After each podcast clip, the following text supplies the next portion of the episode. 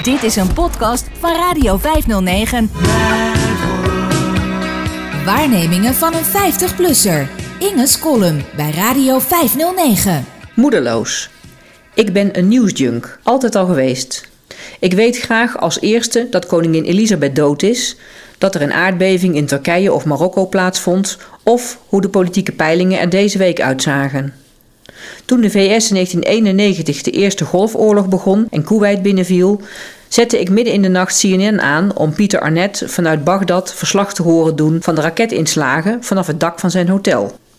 Ik baal ervan als ik te laat ben, een belangrijk pushbericht mis of, zoals op 11 september 2001, op vakantie in Griekenland, waar niet in elke hotelkamer een tv stond, waardoor we s'avonds soms geen CNN en BBC konden ontvangen.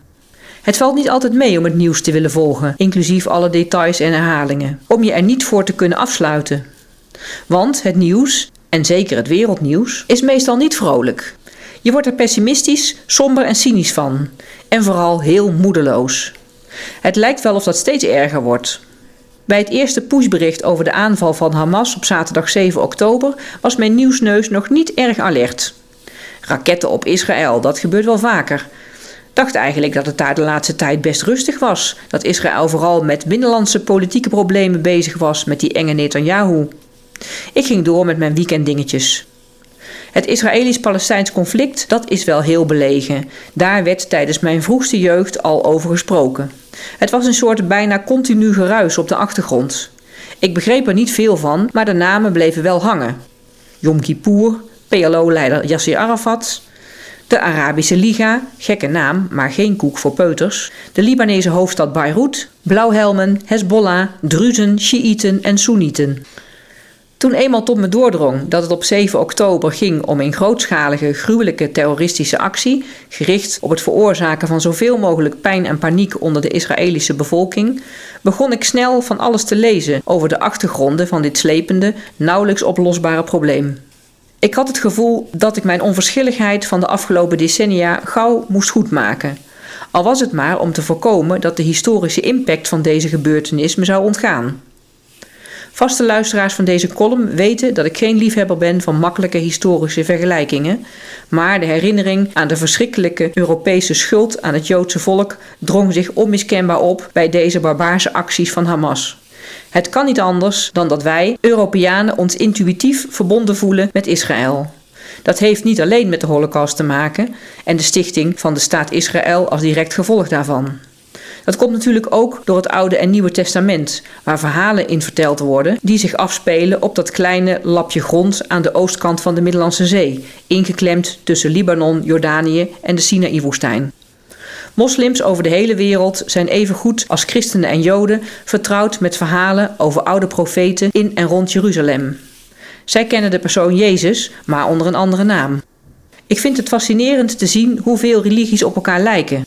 Hoe ze gebruik maken van dezelfde oude verhalen en mythen. Bijvoorbeeld die van Mozes in het biezenmandje, dat ook bekend is in de tijd van de oude Egyptenaren, maar dan met de god Osiris als baby in het riet. Ook het verhaal van de Exodus, de vlucht van het Israëlische volk uit Egypte, komt in meerdere religies voor. En de verering van de Maagd Maria heeft veel gelijkenis met de Isis-cultus in het oostelijk Middellandse zeegebied in de vroeg-christelijke tijd. Ik vind die gelijkenissen zelf eigenlijk het geruststellende bewijs voor de afwezigheid van een scheppende, allesbestierende godsfiguur. Maar het gekke is dat religieuze mensen dat heel anders zien. Die bijten zich bij verschijning van concurrentie op het godsdienstig toneel juist alleen maar meer vast in hun eigen gelijk. En dus vechten Joden, christenen en moslims al eeuwenlang om die ene belangrijke stad met die berg waarop de Al-Aqsa-moskee staat naast wat er nog over is van de oud-testamentische tempel. Deze recente brute terreurdaad van Hamas en het drama dat daarop is gevolgd voor de mensen in de Gazastrook lijkt gek genoeg nu al bijna een onoplosbaar probleem, omdat het helaas niets nieuws is en de wereldreligies weer eens tegenover elkaar zet. Wat dat betreft lijkt het me niet ondenkbaar dat deze gebeurtenis uiteindelijk meer historische betekenis zal blijken te hebben dan 9-11. Want hier is niet alleen het ressentiment van de moslimwereld tegen het Westen bij betrokken, maar ook de complexe schuld van Europa voor eeuwenlange pogroms tegen Joodse mensen, met de Holocaust als ongekend en nog altijd onbegrijpelijk dieptepunt.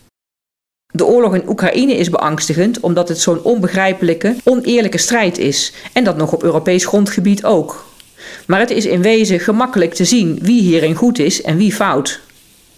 Dit oude, nieuwe conflict, dat, als we niet opletten en heel snel iets verzinnen om de geweldspiraal te stoppen, kan uitlopen op een mondiale strijd tussen wereldreligies en de erfgenamen daarvan, zou wel eens veel gevaarlijker kunnen zijn voor onze toekomst. Hoewel het de wereldproblemen ook een stuk eenvoudiger maakt. Door strijd aan te gaan met onze medemens en ons geld en energie daarop te richten, hoeven we de echte problemen waar onze planeet mee te maken heeft, voorlopig weer even niet onder ogen te zien. We verhogen de CO2-uitstoot weer lekker met het afschieten van al dat wapentuig. Zo gaan we nog strijdend ten onder met onze rug naar de zeespiegelstijging en de stikstofuitstoot. Voor energietransitie hebben we geen geld en wetenschappers meer over. En als we die problemen niet oplossen, dan hoeft het op een bepaald moment niet meer. Of wordt deze nieuwsjunk nu echt te cynisch? Radio 509. Hoor je overal in Nederland met de gratis Radio 509 app op je mobiel. Radio 509. Radio 509.